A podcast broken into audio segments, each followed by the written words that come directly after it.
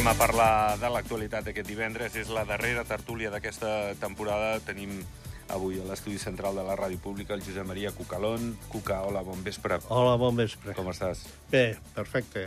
I aquí em cuideu molt, molt bé. Gràcies, home, gràcies. Vosaltres a nosaltres també, és veritat. Joan Ramon Sánchez, bon vespre. Bon vespre. Tu també estàs bé? No, Què et passa? oh, no ens cuideu tant, no sé, el cucalón que li A feu... que veure, mi no, a veure què li feu És un tio cucalón. agraït, no com tu. Ja, que a mi- Escolta'm, és el que a mi carinyo no- que li donem... Ni un detall, vull dir, no, no, ni una copeta Ai, de cava, ni, Ai, senyor. ni, ni un canapiés... Que interessats que sou, eh, de veritat. Alguns, alguns. En fi, escolteu, va, anem a parlar de, del sector hoteler, la restauració, eh, una mica el comerç també. Se les estan veient per poder tancar la temporada de- d'estiu. Mm, no troben mà d'obra entre la que hi ha aquí o la que pot eh, venir amb aquestes quotes. bueno, eh, diuen que millor no podran obrir tots els establiments ni, ni podran atendre com caldria els que estan oberts a... a bueno, s'espera el nombre tan important de, de turistes i visitants que, que tindrem a l'estiu. El problema de la mà d'obra d'importació Sí. Ja fa molts anys que dura, no és, no és d'aquest estiu, eh? Això fa que dure. Clar, d'un país que hi havia un diferencial de sou important amb el país del sud, sobretot, i ja no parlo de Hispanoamèrica, ni països africans, ni res d'això. Doncs, clar, ara han passat doncs, de que som un país que paguem menys que el país del sud, com abans la gent del sud venia a guanyar el doble aquí, com a mínim, si no era el triple, i ara cobren menys, a damunt tenen menys drets socials, com per exemple l'atur o coses quan se queden sense feina, i llavors, clar, es fa difícil que la gent, si té feina baix, per precària que sigui, pugi a Andorra, perquè aquí encara és més precària. I, per tant, això és una cosa que penso jo que des del nivell empresarial s'ho tindrien de plantejar, de quina forma s'ha de fer per millorar tot això. Ja que han viscut un munt d'anys, al meu entendre, eh, molt bé, cada vegada anant retallant sous, sous, sous, sous, el nivell de vida ha anat pujat, tot això ha portat d'altres problemes, com els pisos, etc. Ara, ara podria començar aquí a fer la llista de coses de que s'han anat empitjorant per la classe treballadora i, clar, ara el que podem fer és lamentar-nos, no? Jo diria, mira, no, no m'agrada copiar, no copiar el Tries perquè del Tries no li vull copiar res. Però l'altre dia en plenari va dir una frase que em va fer molta gràcia, no? I a mi. Eh? I llavors diria, Sí, home, sí. doncs pues mira, el Sí, mateix. Sí, sí. Va, va ser, Vale. va ser la, la frase eh, Sí. d'aquella tarda a Barcelona. Um, tu, Joan Ramon. Uh, com diu el Cuca, vull dir, estem endarrerits, s'ha d'actualitzar tot el tema salarial, i a la millor, doncs, bueno, ara quan vas a un restaurant, doncs, igual eh, per fer un menú doncs, pagues 20 o 25 euros i s'haurà de pagar doncs, eh, 40 o 50, però s'haurà d'establir alguna norma perquè la gent tingui un atractiu al país i pugin i puguin viure. Sí, sí. Que no sigui per engreixar els beneficis, No, no, sinó... realment que tinguin un salari que sigui un diferencial com hi ha hagut durant molts anys i que sigui atractiu vindre aquí. De moment, això no ho tenim. I de moment, doncs, bueno, el tema de l'habitatge deixem-lo estar. Vull dir, ho hem parlat moltes tertúlies. Vull dir. Escolteu, ara, eh, i, i clar, i, i sempre tenim molta dependència d'Espanya i de França. El que passa als països veïns moltes vegades té una repercussió gairebé directa amb nosaltres. Diu que han baixat eh, el mes passat, amb respecte a l'abril de, de l'any passat, un 18% les hipoteques. Això té una relació directa amb, amb el que és la pujada dels Els tipus d'interès. Val?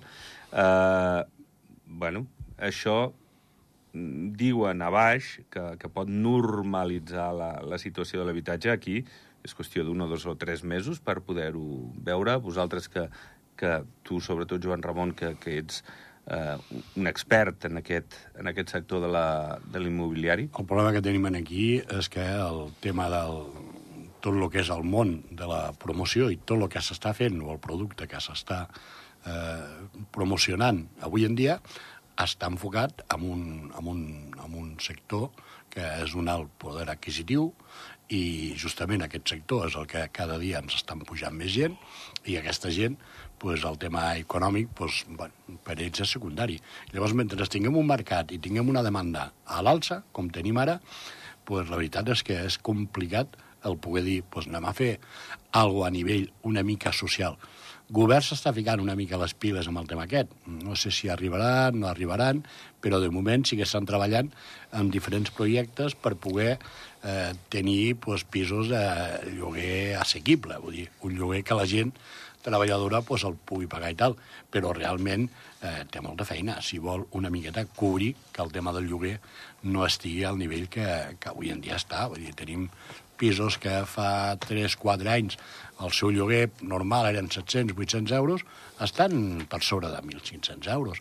Llavors, una persona treballadora com pot pagar un lloguer, menjar i viure? A veure, jo no, seré, jo no seré, com a socialdemòcrata que sóc, no seré el que pregoni des de la, des de l'antena d'aquesta casa doncs, que hi hagi intervenció de l'Estat, no?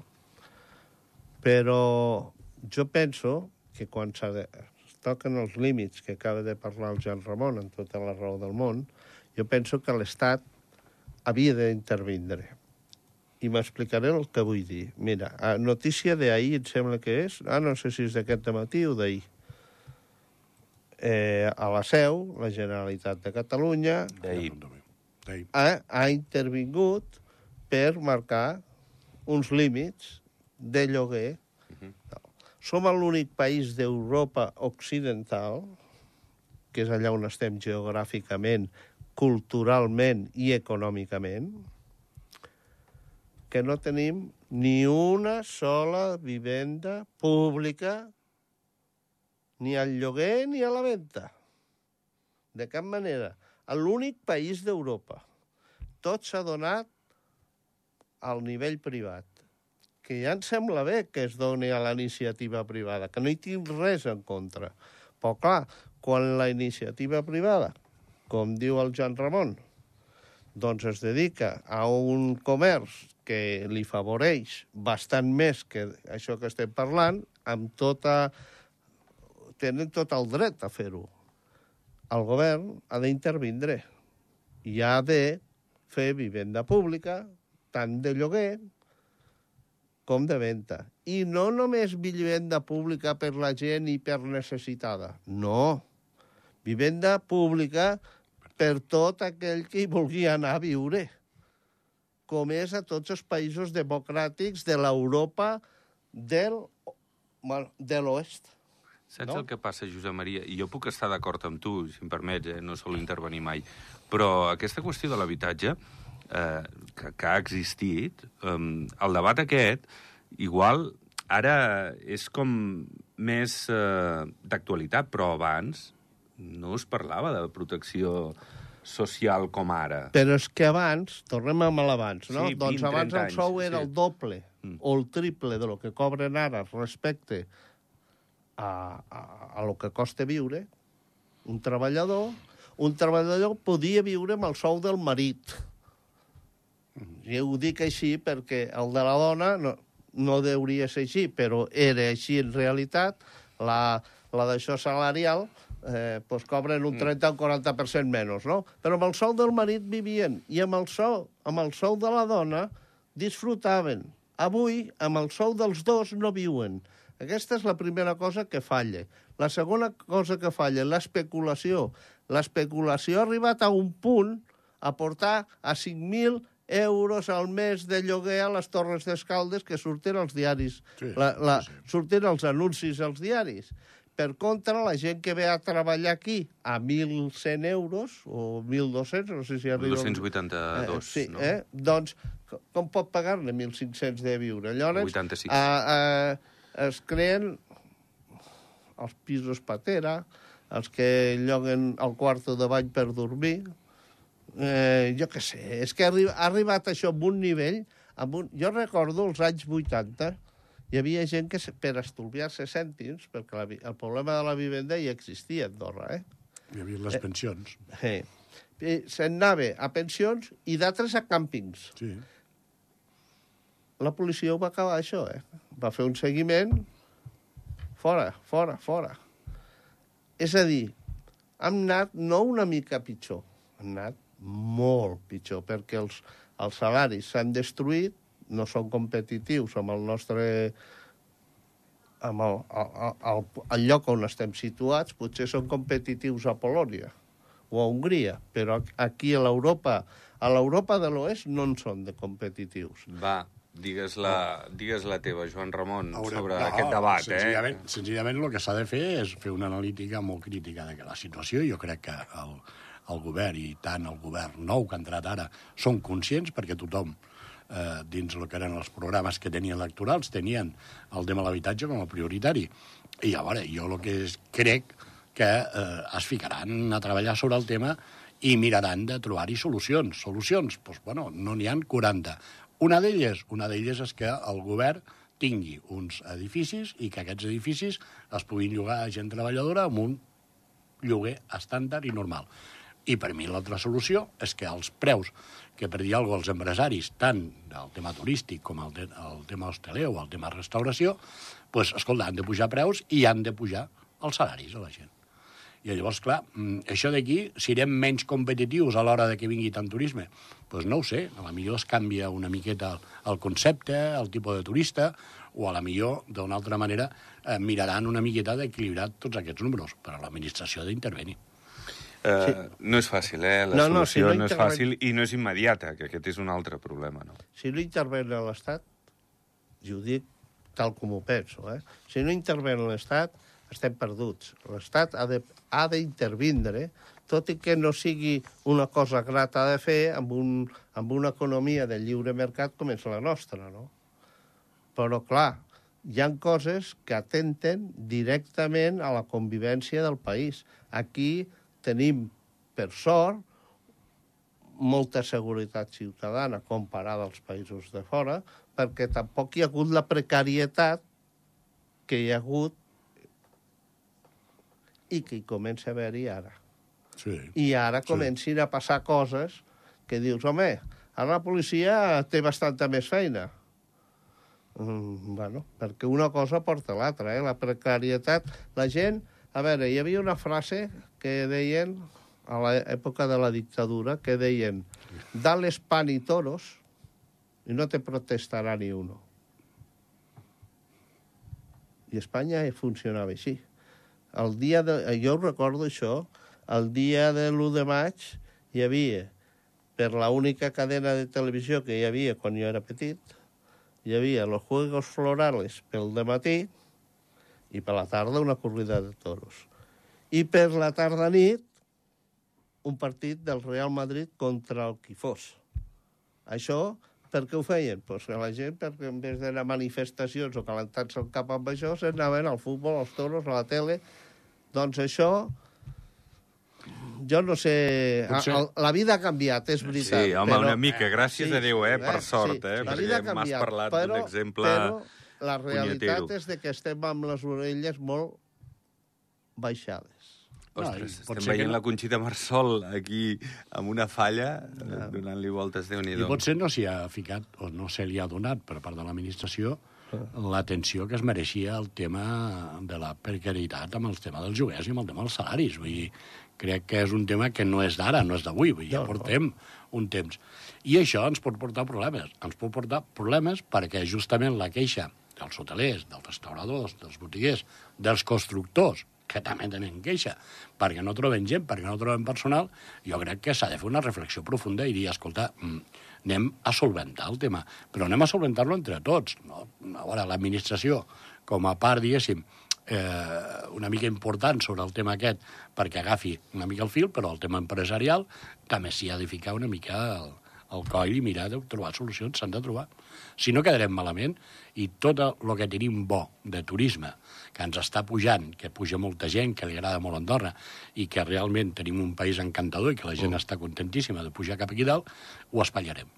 Escolteu, i pot eh, canviar o empitjorar la situació si finalment eh, es rubrica aquest acord d'associació amb Brussel·les Jo en la qüestió no. de l'habitatge, eh, puntualment.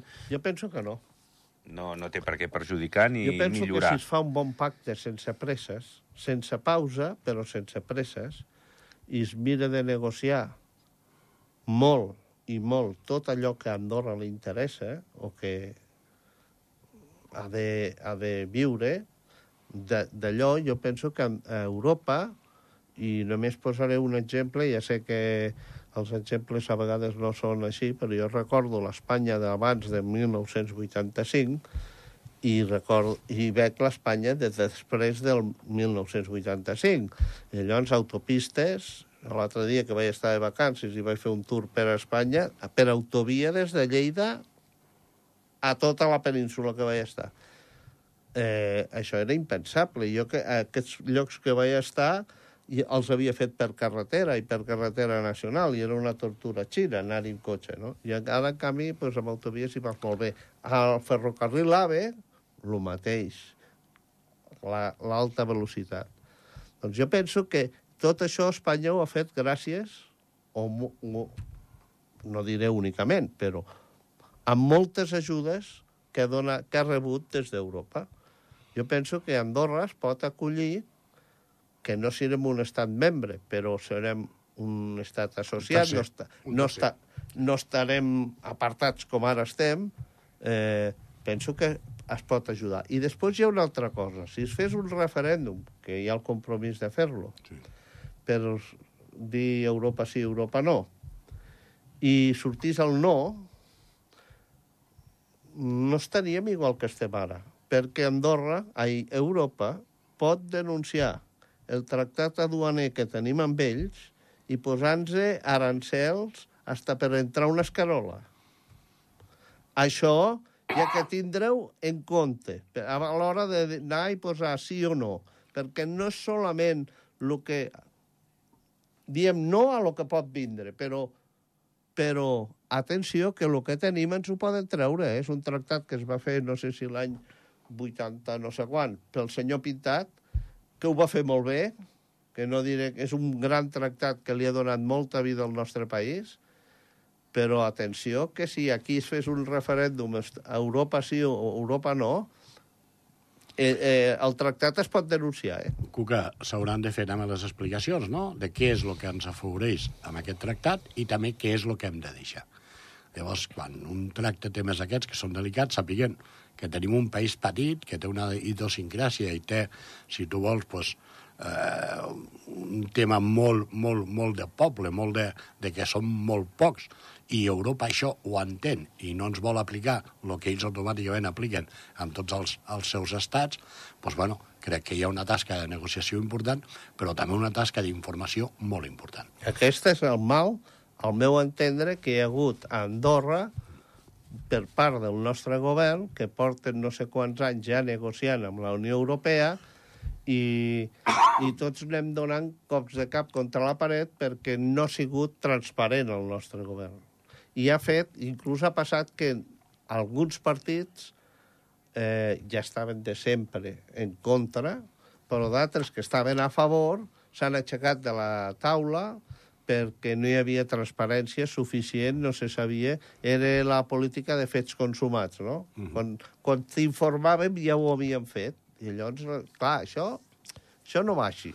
Una cosa que afecta a tots i em sembla que has de ser molt translúcida. Molt, molt transparent. Escolteu, eh, ahir crec que era Carles Ensenyat, el síndic, parlava d'intentar, doncs, en dos anys tenir ja llesta aquesta reforma de, de les pensions i deia, home, si no es pot tenir un consens total, doncs, home, una majoria, no?